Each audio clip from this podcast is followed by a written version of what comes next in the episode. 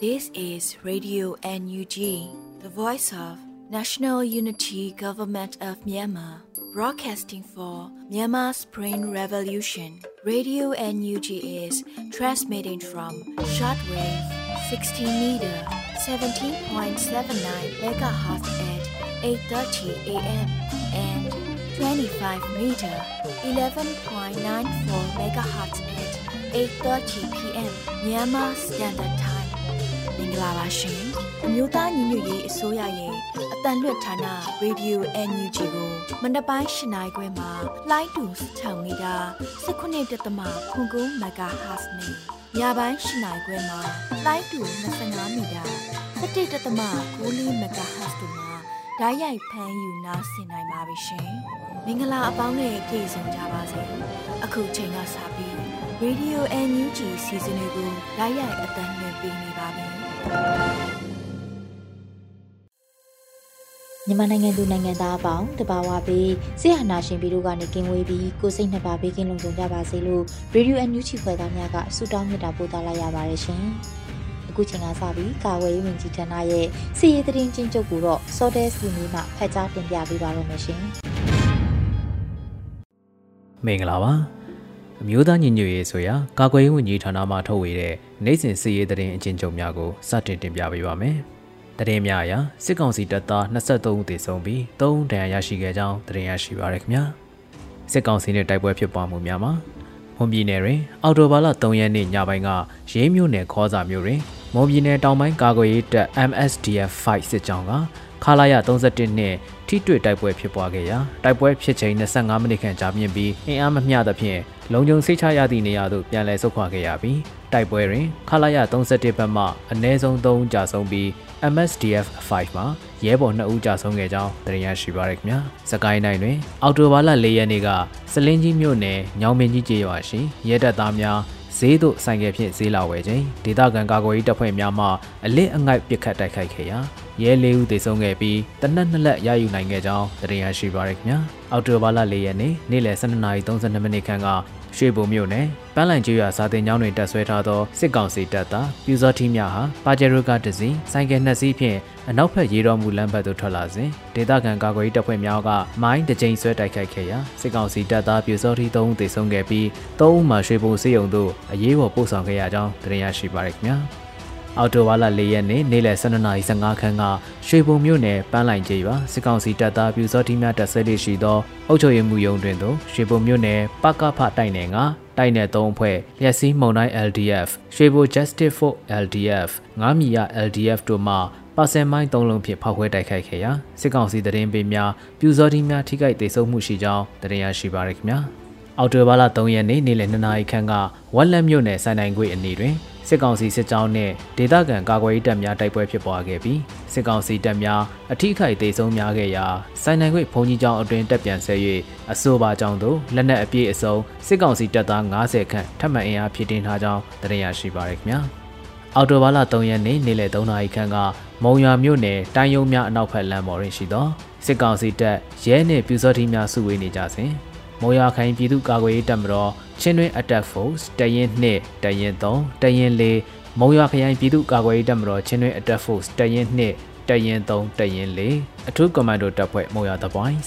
မုံရခရိုင်ပြည်သူ့ကာကွယ်ရေးတပ်မတော်ချင်းတွင်း Attack Force တရင်2တရင်3တရင်4အထူးစုံစမ်းစစ်ဆေးရေးတပ်ဖွဲ့ချင်းတွင်း Attack Force IO တို့ကပူးပေါင်းတိုက်ခိုက်ခဲ့ရာစစ်ကောင်စီတပ်သား10ဦးသေဆုံးခဲ့ကြောင်းသိရရှိပါရခင်ဗျာ။ အော်တိုဘာလ3ရက်နေ့မနက်7:00နာရီခန့်ကကဏီမြို့နယ်သို့မုံရွာအလုံးလမ်းဘက်မှချင်းတွင်းမြစ်အထက်တိုင်းဆန်တက်လာသောစစ်ကောင်စီစစ်သည်မော်တစည်းပါဝင် ထောက်ပို့ရင်73စီးတို့ကိုကမ်းပြိုရွာအနီးရောက်ချိန်တွင် KLG PDF ကြောင်လုံးကြီးပြည်တော်စုလွတ်မြောက်ရေးတပ်ပေါင်းစုဘုံနှခမ်းမွေးအဖွဲ့ချင်းတွင်း GZ တရင်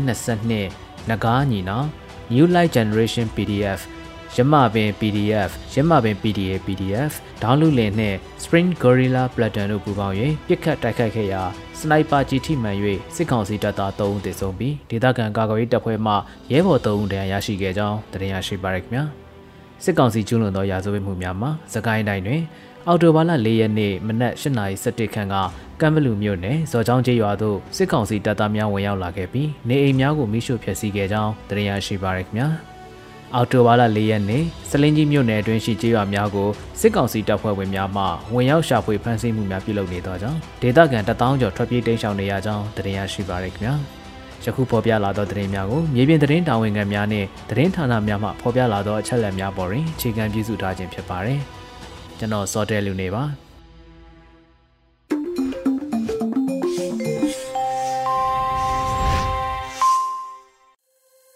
ရေဒီယိုညူချီမှာဆက်လက်တင်ပြနေပါတယ်။အခုဆက်လက်ပြီးနားဆင်ကြရမှာကတော့နောက်ဆုံးရသတင်းများဖြစ်ပါတယ်။အေရီမှဖတ်ကြားတင်ပြပေးပါရမရှင်။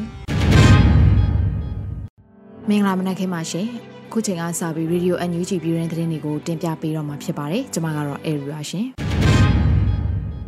ပထမဆုံးသတင်းတစ်ပုဒ်အနေနဲ့စစ်ကောင်စီဟာမဟာမိတ်စုဖွဲ့မှုစီကြိုးပအောင်အမျိုးမျိုးသွေးဆောင်ဖျားယောင်းနေလို့ဂျာယီသမရတတိပေးပြောကြားလိုက်တဲ့သတင်းကိုတင်ပြပေးပါမယ်။ စစ်ကောင်စီဟာမဟာမိတ်စုဖွဲ့မှုစီကြိုးပအောင်အမျိုးမျိုးသွေးဆောင်ဖျားယောင်းနေတယ်လို့ယာယီသမ္မတဒိုဝါလက်ရှိလာကအောက်တိုဘာလ၄ရက်နေ့မှာကျင်းပပြုလုပ်တဲ့အမျိုးသားညီညွတ်ရေးအစိုးရရဲ့အကြိမ်80မြောက်အစိုးရဖွဲ့အစည်းအဝေးမှာပြောကြားလိုက်ပါတယ်။နယူးဒေါ်လာရဲ့စီးရဲမဟာမိတ်စုဖွဲ့မှုကိုလက်ရှိအခြေအနေထက်ကျေပြန့်အောင်လက်ရှိအခြေအနေထက်ကြစ်လက်သိပ်တီးအောင်လုပ်ကြဖို့လိုပါတယ်။စစ်ကောင်စီကကျွန်တော်တို့ရဲ့မဟာမိတ်စုဖွဲ့မှုစီကြိုးပအောင်အမျိုးမျိုးသွေးဆောင်ဖျားယောင်းနေတာကိုလည်းတွေ့ရပါတယ်။ဒါကိုသတိချက်ဖို့လိုပါတယ်လို့ယာယီသမ္မတကဆိုပါတယ်။ စစ်ကောင်စီဟာလက်ရှိမှာတိုင်းရင်းသားတော်လှန်ရေးအင်အားစုတွေကိုမလုံးပေးတွေ့ဆုံမှုတွေရှိနေပါတယ်။လူဦးတော်လှန်ရေးလှုပ်ရှားမှုအတွင်းမှာနိုင်ငံရေးပြည်ညင်တစ်ခုကြီးကြီးလေးလေးပေါ်ထွက်လာရေးကိုလည်းအာရုံစိုက်ကြပါ။အုပ်စုအကျိုးစီးပွားထက်လူထုအကျိုးစီးပွားပေါ်အခြေခံတဲ့နိုင်ငံရေးပြည်ညင်နဲ့နိုင်ငံရေးမူဝါဒတွေဖြစ်ဖို့လည်းလိုပါတယ်လို့ရှာယီသမရကထပ်လောင်းပြောကြားထားပါတယ်ရှင်။မြမသမိုင်းတလျှောက်မရဘူးခဲ့တဲ့ညီညွတ်မှုအင်အားတွေနဲ့စစ်အာဏာရှင်ကိုအမြင့်ဖြတ်တိုက်ထုတ်နေရတဲ့တော်လှန်ရေးဖြစ်လို့မအောင်မြင်စရာအကြောင်းမရှိဘူးလို့ပြည်ထောင်စုဝန်ကြီးချုပ်ပြောကြားလိုက်တဲ့သတင်းကိုတင်ပြပေးပါောင်းမယ်။ မြမသမိုင်းတခြားမှာမရရှိခဲ့ဘူးတဲ့ညီညွတ်မှုအင်အားတွေနဲ့ဆရာနာရှင်ကိုအမြင့်ဖြတ်တိုက်ထုတ်နေရတဲ့တော်လှန်ရေးဖြစ်လို့မအောင်မြင်စရာအကြောင်းမရှိဘူးလို့ပြည်ထောင်စုဝန်ကြီးချုပ်မန်ဝင်းခိုင်တန်းကဆိုရဖွဲ့အစည်းအဝေးမှာထည့်သွင်းပြောကြားခဲ့တာပါ။ Federal Democracy နိုင်ငံတော်အတွက်တိုင်းရင်းသားမဟာမိတ်တွေအပါအဝင်တော်လှန်ရေးအင်အားစုတွေအားလုံးအတူတကွပူးပေါင်းပြီး Federal Democracy Charter ကိုအခြေခံထားတဲ့ဂျာကာလာဖွဲ့စည်းပုံအခြေခံဥပဒေပေါ်ပေါက်ရေးကိုလည်းမြို့သားညီညွတ်ရေးအတိုင်းအမြံကောင်စီမှာ တက်ညီလက်ညီဆောင်ရွက်နေကြပါတယ်။ဒီတော်လှန်ရေးဟာထူးခြားတဲ့တော်လှန်ရေးဖြစ်တယ်။အရင်တုန်းကမြမသမိုင်းတလျှောက်မရဘူးခဲ့တဲ့ညီညွတ်မှုအင်အားတွေနဲ့ဆရာနာရှင်ကိုအမြင့်ဖြတ်တိုက်ထုတ်နေရတဲ့တော်လှန်ရေးဖြစ်တယ်။ဒီလိုညီညွတ်မှုတွေနဲ့အတူတကွသွားနေရတဲ့ဒီတော်လှန်ရေးဟာမအောင်မြင်စရာကိုမရှိဘူးလို့ဆိုပါတယ်။လက်ရှိမှာပြည်သူ့ခုခံတွန်းလှန်စစ်တနစ်တာကာလအတွင်းစစ်ကောင်စီတပ်အင်အား2000ကျော်တည်ဆုံထားပါတယ်ရှင်။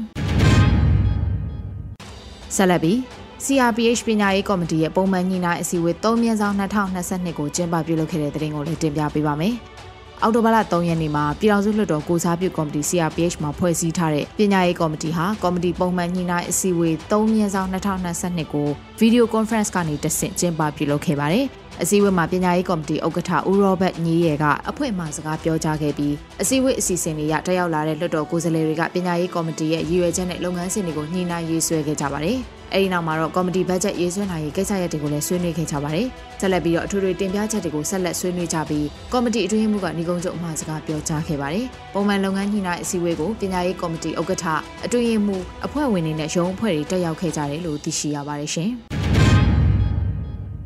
ပြည်ထောင်စုလူဝင်မှုကြီးကြပ်ရေးဝန်ကြီးဌာနပြည်ထောင်စုဝန်ကြီးနဲ့မန္တလေးတိုင်းနဲ့ AR တိုင်းကမြို့နယ်ပြည်သူ့အုပ်ချုပ်ရေးအဖွဲ့တွေတွေ့ဆုံဆွေးနွေးခဲ့တဲ့တဲ့တင်ကိုလည်းတင်ပြပေးပါအောင်မယ်။အော်တိုဘာလ၄ရက်နေ့မွန်းလွဲပိုင်းမှာအမျိုးသားညီညွတ်ရေးအစိုးရပြည်ထောင်နဲ့လူဝင်မှုကြီးကြပ်ရေးဝန်ကြီးဌာနနဲ့မန္တလေးတိုင်းနဲ့ AR တိုင်းအတွင်းကမြို့နယ်ပြည်သူအုပ်ချုပ်ရေးအဖွဲ့တွေတွေ့ဆုံဆွေးနွေးခဲ့ကြတယ်လို့သတင်းရရှိပါတယ်။ဆွေးနွေးပွဲကိုပြည်ထောင်နဲ့လူဝင်မှုကြီးကြပ်ရေးဝန်ကြီးဌာနပြည်ထောင်စုဝန်ကြီးဦးလွင်ကိုလက်ကတက်ရောက်ဖွင့်လှစ်အမှာစကားပြောကြားရမှာတော်လိုင်းအောင်မြင်စေဖို့အတွက်မြို့နယ်ရဲ့ဆောင်ရွက်ချက်တွေဟာများစွာအရှိပါပါကြောင်း အုပ်ချုပ်ရေးရန်နေရာတွေမှာပူပေါင်းပါဝင်ပြီးပြည်သူဝန်ဆောင်မှုကဏ္ဍတွေကိုလည်းလေဟင်းမှုမရှိစေဖို့ဝိုင်းဝန်းကြက်မှတ်ဆောင်ရွက်ကြရမှာဖြစ်ပါကြောင်းပြောကြားခဲ့ပါတယ်။ဆက်လက်ပြီးပြည်ထောင်နဲ့လူဝင်မှုကြီးကြပ်ရေးဝန်ကြီးဌာနရဲ့တာဝန်ရှိသူကဝန်ကြီးဌာနရဲ့လုပ်ငန်းဆောင်ရွက်နေမှုတွေကိုရှင်းလင်းတင်ပြခဲ့ပြီးတက်ရောက်လာကြတဲ့မြို့နယ်ပါအဖအဖွဲ့ဝင်တွေကမြေပြင်ဆောင်ရွက်မှုတွေကြုံတွေ့နေရတဲ့အခက်အခဲတွေနဲ့လိုအပ်ချက်တွေ တရားရေးလုပ်ငန်းဆောင်ရွက်နိုင်မှုအခြေအနေတွေတိုင်ကြားစာလက်ခံဆောင်ရွက်နိုင်မှုအခြေအနေတွေထိန်းချုပ်နေမြေရရှိရေးနဲ့အုပ်ချုပ်ရေးရန်နေရာတွေကိုခိုင်ခိုင်မာမာလဲပတ်နိုင်မယ့်အခြေအနေတွေစတာတွေကိုရှင်းလင်းတင်ပြခဲ့ကြပါတယ်။အစည်းအဝေးကိုပြည်ထောင်စုဝန်ကြီးဦးဆောင်ပြီး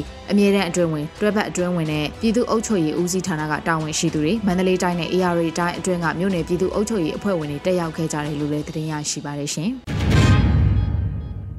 အခုတခါနိုင်ငံတကာရုပ်ရှင်မှတ်တမ်းပွဲတော် Paso Film Festival မှာမြန်မာနိုင်ငံဆက်အာဏာသိမ်းခြင်းနဲ့ပြည်သူတွေရဲ့လွတ်လပ်ခွင့်တော်လှန်မှုတွေကိုမှတ်တမ်းတင်ရိုက်ကူးထားတဲ့ဇာတ်လမ်းကိုပြသသွားမယ်ဆိုတဲ့သတင်းကိုလည်းတင်ပြပေးပါမယ်။အီတလီနိုင်ငံဖာရူဂျာမြို့မှာကျင်းပပြုလုပ်နေတဲ့နိုင်ငံတကာရုပ်ရှင်မှတ်တမ်းပွဲတော် Paso Film Festival မှာမြန်မာနိုင်ငံဆက်အာဏာသိမ်းခြင်းနဲ့ပပြည်သူတွေရဲ့လွတ်လပ်ခွင့်တော်လှန်မှုတွေကိုမှတ်တမ်းတင်ရိုက်ကူးထားတဲ့ဇာတ်လမ်းကိုပြသသွားမယ်လို့သတင်းရရှိပါတယ်။ အော်တိုဘာလ6ရက်နေ့ညနေ9:45မိနစ်မှာမြန်မာနိုင်ငံဆက်အာဏာသိမ်းခြင်းနဲ့ပြည်သူများ၏လွတ်လပ်ခွင့်တော်လှန်မှုများကိုမှတ်တမ်းတင်ရိုက်ကူးထားတဲ့ရုပ်ရှင်ဇာတ်လမ်းတို့ကိုပြသသွားမှာဖြစ်ပါတယ်။ပြင်သစ်နိုင်ငံနဲ့မြန်မာနိုင်ငံကအမျိုးသမီးဒါရိုက်တာနှစ်ဦးရိုက်ကူးထားတဲ့ဒီမှတ်တမ်းရုပ်ရှင်ကို Cinema Postmodernissimo Via the Camine 4မှာပြသသွားမှာဖြစ်ပါတယ်။မှတ်တမ်းရုပ်ရှင်ပြသအပြီးမှာမြန်မာပြည်ဆက်အာဏာသိမ်းမှုနဲ့တော်လှန်ရေးကဏ္ဍမြန်မာအမျိုးသမီးတွေရဲ့ပါဝင်မှုအကြောင်းအရာတွေကိုဆက်လက်ဆွေးနွေးတင်ပြသွားဖို့လည်းရှိတယ်လို့လည်းသိရှိရပါတယ်ရှင်။ မုံရွာအမြင့်လန်းကိုအကြမ်းဖက်စစ်တပ်ကဘူရိုဇာနဲ့ထိုးပြီးလမ်းမိုင်းကိုဖျက်ဆီးခဲ့တဲ့တဲ့ရင်ကိုလည်းတင်ပြပေးပါောင်းမယ်။မုံရွာမြို့ညောင်မင်းဆောက်ရက်ကွက်တောင်ဘက်အထွက်မုံရွာအမြင့်လန်းကြောက်ပေါက်ကွေကိုအကြမ်းဖက်စစ်ကောင်စီတပ်ကဘူရိုဇာနဲ့ထိုးပြီးလမ်းမိုင်းကိုဖျက်ဆီးခဲ့ပါတယ်။အော်တိုဘာလ၄ရက်နေ့မွန်းလွဲပိုင်းမှာစစ်ကောင်စီတပ်ကလာရောက်ဖျက်ဆီးသွားတာလို့ဒေသခံသတင်းအရင်းမြစ်တွေကအတည်ပြုပြောကြားပါတယ်။ အကြံဖက်စစ်ကောင်စီတပ်ဟာစစ်ကားကြီးတစ်စီးအိမ်စီးကားတစ်စီးအင်အား30ခန့်နဲ့ရောက်ရှိလာပြီးဘူရိုဇာနဲ့လမ်းမိုင်းကိုကားသွားမရအောင်ကလန့်ဖြတ်ကျင်းပုံစံတူးသွားခဲ့တယ်လို့သိရှိရပါတယ်။မုံရွာအမြင့်လမ်းဟာမုံရွာတောင်နယ်နဲ့ချောင်းဦးမြို့နယ်အတွက်မြို့နယ်ချင်းဆက်ဆက်လမ်းပိုင်းလည်းဖြစ်ပါတယ်ရှင်။ဆက်လက်ပြီးဝက်လက်မြို့နယ်ရှိမကားရွာကိုလာတဲ့စစ်ကောင်စီတပ်ထောက်ပို့ကားတစ်စီးမိုင်းဆွဲခံရလို့မိလောင်ပျက်စီးခဲ့တဲ့တဲ့ရင်ကိုတင်ပြပေးပါမယ်။ စကိုင်းတိုင်းဝက်လက်မြို့နယ်ရှေးမကားရွာကိုလာတဲ့စစ်ကောင်စီတပ်ထောက်ဖို့ကားတစ်စီးမိုင်းဆွဲခံရလို့မိလောင်ပျက်စီးခဲ့ပါတယ်။အော်တိုဘာလ၄ရက်နေ့မွန်လွဲ2:45မိနစ်အချိန်လောက်မှာဝက်လက်မြို့နယ်ရှေးမကားရွာကိုလာတဲ့စစ်ကောင်စီတပ်ထောက်ဖို့ရှင်ကိုကာကွယ်ရေးတပ်တွေကမိုင်းဆွဲတိုက်ခိုက်ခဲ့တယ်လို့ချင်းတွင်းရုံမှမဟာမိတ်တပ်ပေါင်းစုကအတည်ပြုပါတယ်။ ဝက်လက်မြို့နယ်ရှိမကားရွာကိုလာတဲ့ထောက်ပို့ကားတစ်စီးကိုပြည်သူ့အချစ်တော်ကာကွယ်ရေးတပ်ဖွဲ့တွေကရှေ့ထွက်မိုင်းလေးလုံးနဲ့ဖောက်ခွဲတိုက်ခိုက်ခံရပါတယ်လို့ဆိုထားပါတယ်။မိုင်းကြီးလိုကားမိလောင်ပျက်စီးသွားပြီးယူနီဖောင်းဝတ်စစ်ကောင်စီတပ်ဖွဲ့ဝင်၄ဦးပြုနှစ်ဦးသေဆုံးက G2 နှစ်လက်တင်စီရမိတယ်လို့လည်းသိရှိရပါတယ်ရှင်။ကချင်ပြည်နယ်ဖားကတ်မြို့နယ်ကလပ်ကုန်းရက်ကွက်မှာဆိုင်ကယ်ရက်မပေးလို့လို့ဆိုပြီးအမျိုးသမီးတဦးကိုအကြမ်းဖက်စစ်တပ်နဲ့ရဲကပြစ်ခတ်လို့တေဆုံးခဲ့ရတဲ့တဲ့တင်ကိုလည်းတင်ပြပေးပါောင်းမယ်။ အော်တိုဘာလ2ရက်နေ့ည10:00နာရီခွဲအချိန်လောက်မှာကချင်ပြည်နယ်ဖားကတ်မြို့နယ်ကလကုန်းရက်ကွက်မှာရှိတဲ့စုံစည်းရကုံစုံဆိုင်အနီးမှာဆိုင်ကယ်မောင်းနေလာတဲ့မရန်ဆိုင်ကူကိုအကြမ်းဖက်စစ်အုပ်စုရဲ့တပ်နဲ့ရဲတွေကပြစ်တက်ခဲ့ပြီးအဲ့ဒီနေ့ညမှာပဲရုပ်အလောင်းကိုစေယုံကနေယူဆောင်သွားခဲ့တယ်လို့ AAPP ကဖော်ပြပါဗျ။အကြမ်းဖက်စစ်အုပ်စုဟာလမ်းသွားလမ်းလာတွေကိုစစ်ဆေးစဉ်မှာမရန်ဆိုင်ကူကဆိုင်ကယ်ကိုရက်တက်မပေးလို့လို့ဆိုပြီးပြစ်တက်ခဲ့တာဖြစ်ပါတယ်။ဆီယနာသိမ်းပြီးနောက်ပိုင်းမြို့တော်လှန်ရေးကာလအတွင်းကြာဆုံးခဲ့ရသူစုစုပေါင်းကတော့2336ဦးထိရှိခဲ့ပြီလည်းဖြစ်ပါတယ်ရှင်။ အခုဆက်လက်ပြီးတွန်းဆန်မြို့နယ်ပြည်သူ့အုပ်ချုပ်ရေးအဖွဲ့ကကြေးရွာပေါင်း90ကျော်ကိုကြီးစိုးနိုင်ခဲ့ပြီဆိုတဲ့သတင်းကိုတင်ပြပေးပါမယ်။ချင်းပြည်နယ်တွန်းဆန်မြို့နယ်ပြည်သူ့အုပ်ချုပ်ရေးအဖွဲ့ကကြေးရွာပေါင်း90ကျော်ကိုကြီးစိုးနိုင်ခဲ့ပြီလို့အော်တိုဘာလ၄ရက်နေ့မှာ CDF တွန်းဆန်ကဂျားကာလာတွန်းဆန်မြို့နယ်ပြည်သူ့အုပ်ချုပ်ရေးအဖွဲ့ရဲ့နိုင်ငံရေးအခြေအနေကိုအသိပေးဖော်ပြပါတယ်။တွန်းဆန်မြို့နယ်ပြည်သူ့အုပ်ချုပ်ရေးအဖွဲ့ဟာ CRPH ကတဆင့်ဖွဲ့စည်းထားတဲ့မြို့နယ်ပြည်သူ့အုပ်ချုပ်ရေးအဖွဲ့ဖြစ်တဲ့အားလျော်စွာအခုချိန်ထိတွန်းဆန်မြို့နယ်ပြည်သူ့အုပ်ချုပ်ရေးအဖွဲ့ဟူသောအမည်ဖြင့်ကြစ်လက်ခိုင်မာစွာရပ်တည်နိုင်ခဲ့ပါတယ်။ ဘလို့အခက်ခဲမျိုးရှိစေကမူ CDF တွန်းဆန်အဖွဲ့ကိုဦးဆောင်ပြီးလွတ်လပ်နေမြေများစွာပိုင်ဆိုင်ရရှိရေးကိုအဓိကပြစ်မှတ်ထားပြီးတိုက်ပွဲဝင်သွားမှာဖြစ်ပါတယ်။အခုချိန်မှာတွန်းဆန်မြို့နယ်ပြည်သူ့အုပ်ချုပ်ရေးအဖွဲ့ဟာကျေးရွာပေါင်း90ကျော်ကိုကြီးစိုးနိုင်ခဲ့ပြီဖြစ်ပါတယ်လို့ဆိုထားပါတယ်။အခုချိန်မှာတွန်းဆန်မြို့နယ်ပြည်သူ့အုပ်ချုပ်ရေးအဖွဲ့ဟာနယ်မြေတစ်ဆက်တစ်ဆက်ထဲရှိတဲ့တွန်းဆန်မြို့နယ်ရဲ့နယ်မြေထက်ဝက်ကျော်ကိုစိုးမိုးကြီးစိုးနိုင်ခဲ့ပြီဖြစ်တယ်လို့ CDF တွန်းဆန်ကဖော်ပြထားပါတယ်ရှင်။ Spring Mandalay အိမ်ယာစီမံကိန်းဟာ82နာရီအတွင်း American Dollar 10သန်းကျော်ဖို့ရောင်းချထားရပြီဆိုတဲ့သတင်းကိုတင်ပြပေးပါမယ်။ Spring Mandalay အိမ်ယာစီမံကိန်းဟာ82နာရီအတွင်းမှာ American Dollar 10.25သန်းမို့ရောင်းချထားရပြီဖြစ်တယ်လို့အော်တိုဘာလ4ရက်နေ့ညပိုင်းမှာ EOD ကအသိပေးပြောဆိုပါတယ်။အခါတော်ရောက်ချိန်နီးလို့လာပြီဆိုတဲ့အတိုင်းတော်လန်ရေးဟာတနေ့ထက်တနေ့ရှေ့သို့ချီနေပါတယ်ဒီလိုအချိန်မှာတော်လန်ရေးခါမပြတ်ဖို့ထောက်ဖို့တွေမရက်ဖို့အရေးကြီးလာပါတယ်ရှေ့ဆက်ခါစီမံကြံကြရမယ့်အချိန်မှာ Spring Mandalay ကိုဝယ်ယူပြီးအားဖြည့်ကြတဲ့ရွှေမန်းသူရွှေမန်းသားတွေနဲ့ပြည်ရင်းပြည်ပကတော်လန်ပြည်သူတွေကိုဥညွတ်ခုံပြုအပ်ပါတယ်ဆက်လက်ပြီးအားမလျှော့တန်းအားမလျှော့တန်းဝယ်ယူကြပါအောင်စီရွန်းတန်ကြရင်အတူတကွပြည်တော်ဝင်ကြဆိုလို့ဆိုထားပါတယ် လက်ရှိမှာ Spring Mandalay အိမ်ယာစီမံကိန်းဟာ82နာရီအတွင်းမှာရာခိုင်နှုန်းအပြင်63ရာခိုင်နှုန်း American Dollar 10သန်းကျော်ကိုရောင်းချထားရပြီးဖြစ်ပါတယ်ရှင်။အခုတင်ပြပေးခဲ့တဲ့သတင်းတွေကိုတော့ Radio NUG သတင်းတောက်မင်းမင်းကပေးပို့ထားတာဖြစ်ပါတယ်ရှင်။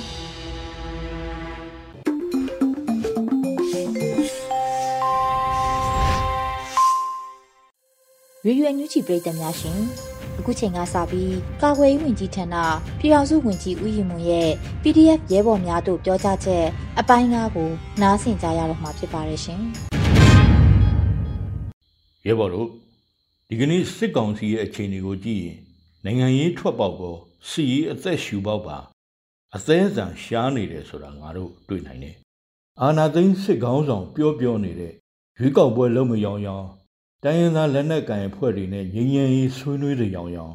2008ဖွဲ့စည်းပုံကိုပြင်မယောင်ယောင်ဖြစ်မယောင်ယောင်လုပ်နေတာတွေကနိုင်ငံရေးထွက်ပေါက်ရှာဖို့ကြံစီအားထုတ်နေတာပဲဖြစ်တယ်။ရွေးကောက်ပွဲဘာကြောင့်လုပ်ချင်နေသလဲ။ဒီချက်ကတော့ရှင်းတယ်။ပြည်သူတွေလက်နဲ့ရေးခဲ့တဲ့2020ရွေးကောက်ပွဲရလဒ်ကိုအာဏာသိမ်းစစ်တပ်ကခြေနဲ့ဖျက်ပစ်ဖို့ပဲ။တရားမဝင်အာဏာသိမ်းအဖွဲ့ကလုပ်တဲ့ရွေးကောက်ပွဲဟာတရားဝင်မှုမရှိသလို ပြည်သူကလည်းအစိမ့်မှတ်ပြုပါဝင်လိမ့်မယ်မဟုတ်ဘူးတကယ်စစ်မှန်တဲ့ဒီမိုကရေစီအင်အားစုတွေအနေနဲ့လည်းဒီရွေးကောက်ပွဲမှာဝင်ရောက်ရှင်ပြိုင်ကြမှာမဟုတ်ဘူးဗိုလ်ချုပ်အောင်ဆန်းသုံးတဲ့ဝေါ်ဟာရနဲ့ပြောရရင်ဒီစစ်အုပ်စုရဲ့စောက်ကျင့်ကိုမြန်မာပြည်သူတွေကောင်းကောင်းနောကြည်ပြီးဖြစ်တယ်ပြည်သူခုခံတော်လှန်စစ်ကြောင့်နေမြေစိုးမိုးထိမ့်ချုပ်နိုင်စွာတနေ့တခြားဆုံးရှုံးလာနေတဲ့စစ်ကောင်စီအနေနဲ့ ဒီရွေးကောက်ပွဲကိုတနိုင်ငံလုံးအတိုင်းအတာနဲ့ကြဲကြဲပြက်ပြက်လုပ်ဖို့မဖြစ်နိုင်ဘူးဆိုတာလဲသူတို့ကောင်းကောင်းသိတယ်။သို့တော့သူတို့လိုချင်တာကမသမာတဲ့ရွေးကောက်ပွဲရလအတူအယောင်တစ်ခုဖန်တီးပြီးပြည်သူဒီမိုကရေစီအာဏာကိုခြေနဲ့နင်းချေပစ်ဖို့စစ်အုပ်စုနဲ့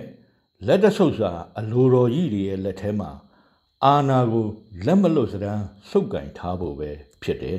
။ဒီနေ့တိုင်းရင်းသားလက်နက်ကိုင်အဖွဲ့တွေထဲမှာ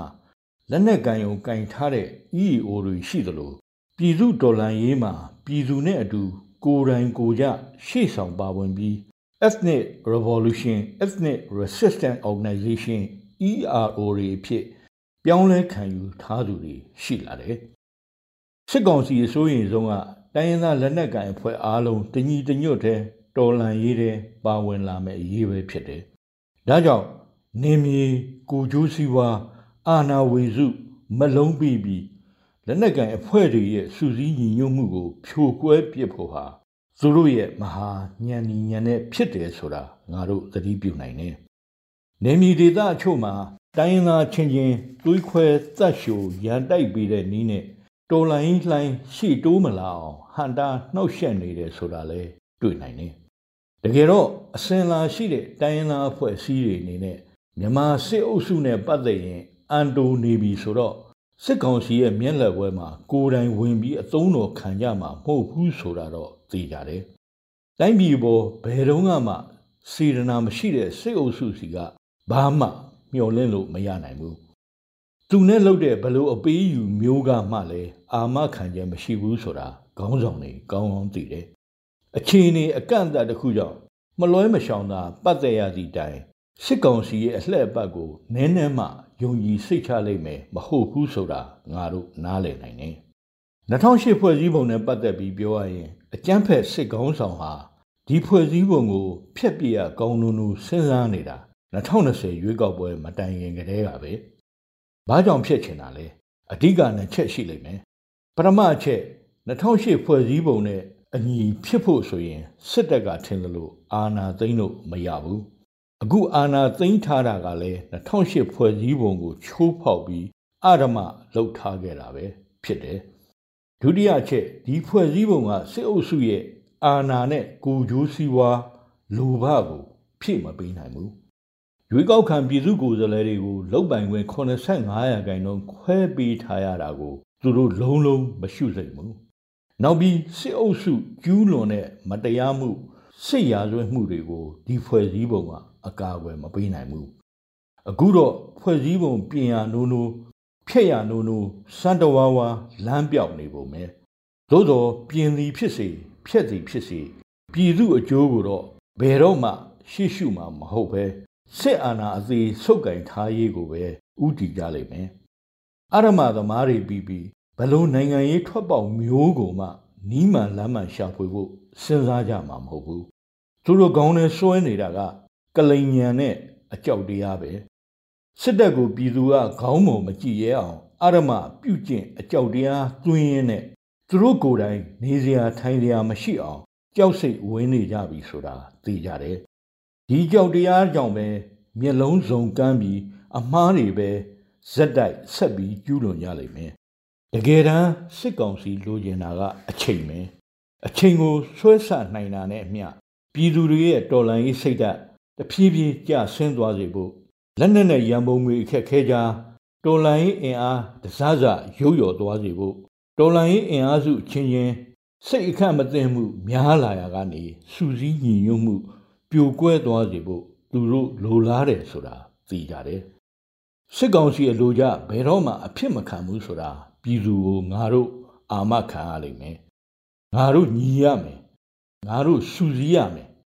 စစ်ကောင်စီကို ထွက်ပေါက်ရှာခွင့်အချိန်ဆွဲခွင့်ငါတို့ပြီးလို့မရဘူးငါတို့စိတ်ဓာတ်ငါတို့အင်အားငါတို့ဉာဏ်ပညာငါတို့စူးစီးညီညွတ်မှုကိုအစွမ်းကုန်မြင့်တင်ပြီးပြည်သူပေါ်အရမပြုကျင့်နေတဲ့အကြမ်းဖက်အုပ်စုကို အမြန်ဆုံးအမြင့်လန်ခြေမုံကြပါစို့ပြည်စုတော်လှန်ရေးမုတ်ချအောင်ရမည်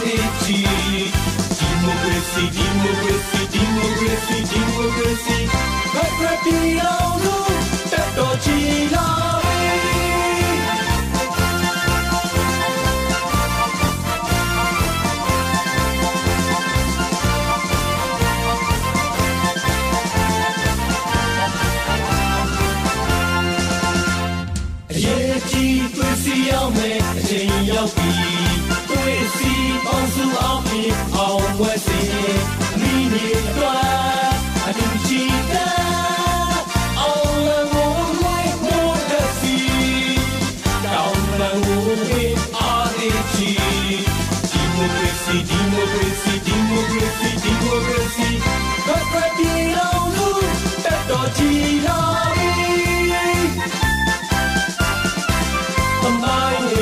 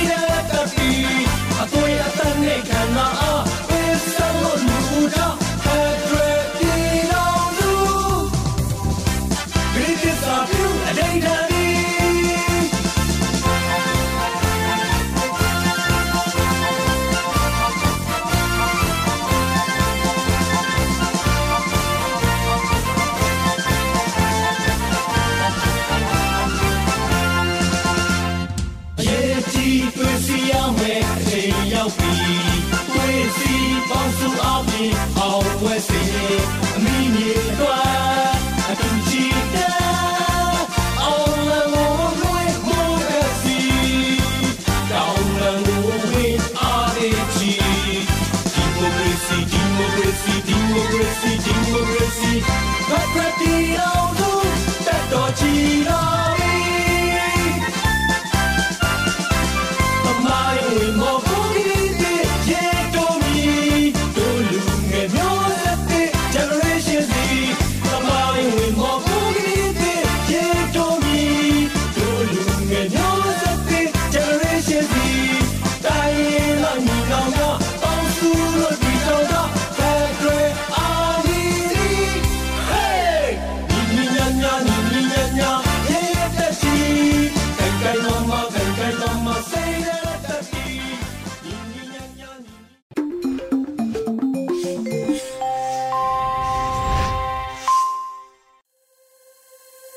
ရေဒီယိုညူချီပရိသတ်တွေအတွက်ကူးဆက်လက်ပြီးထုတ်လွှင့်ပေးမယ့်အစီအစဉ်ကတော့ပြည်သူခုခံစစ်တရင်များဖြစ်ပါတယ်။အောင်နေဦးမှဖတ်ကြားတင်ပြပေးထားပါတယ်ရှင်။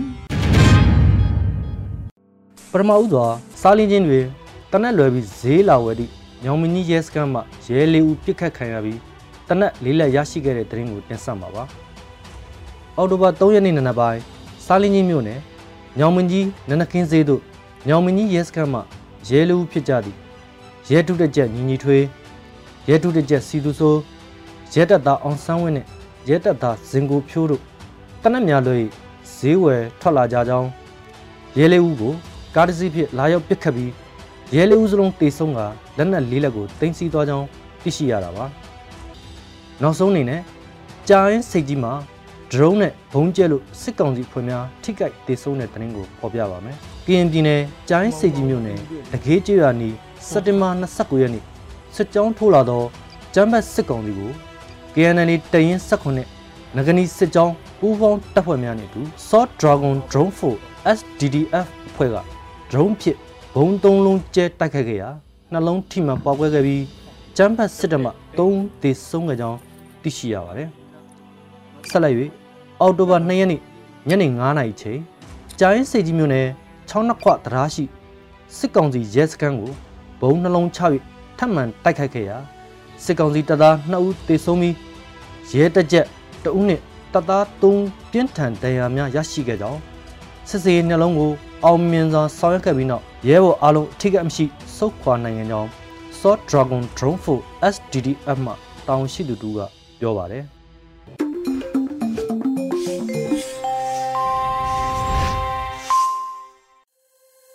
ဗီဒီယိုအန်ယူဂျီပရိသတ်တွေကိုကူးဆက်လက်ပြီးထုံးလွှင့်ပေးမယ့်အစီအစဉ်ကတော့ PPTV ရဲ့နေ့စဉ်သတင်းများဖြစ်ပါတယ်။ထက်ထက်အင်ဒရာအောင်မှဖတ်ကြားတင်ပြပေးပါရမရှင်။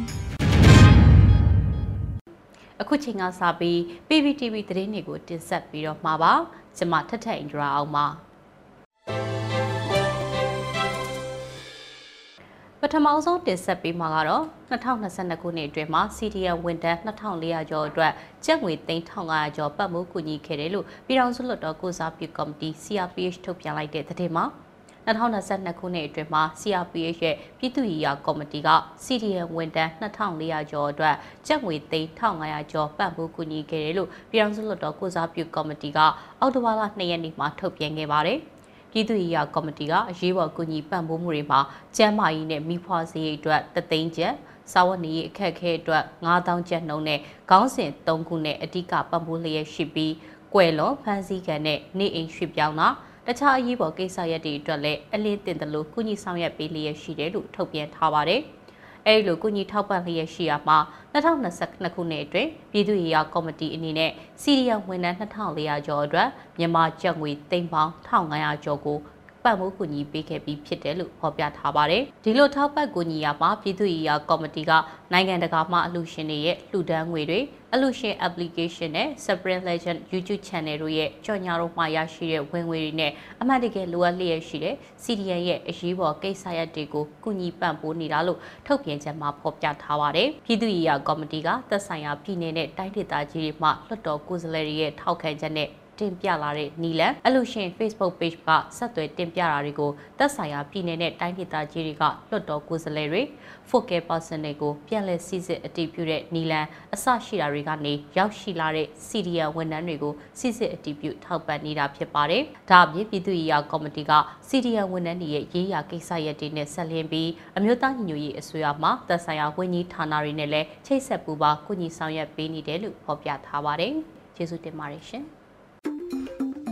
ဒီကနေ့ကတော့ဒီညနေပဲ Radio NUG ရဲ့အစီအစဉ်လေးကိုခေတ္တရ延လိုက်ပါမယ်ရှင်မြန်မာစံတော်ချိန်မနေ့၈နိုင်ခွဲနဲ့ည၈နိုင်ခွဲအချိန်တွေမှာပြောင်းလဲဆိုပြကြပါလို့ရှင် Radio NUG ကိုမနေ့ပိုင်း၈နိုင်ခွဲမှာ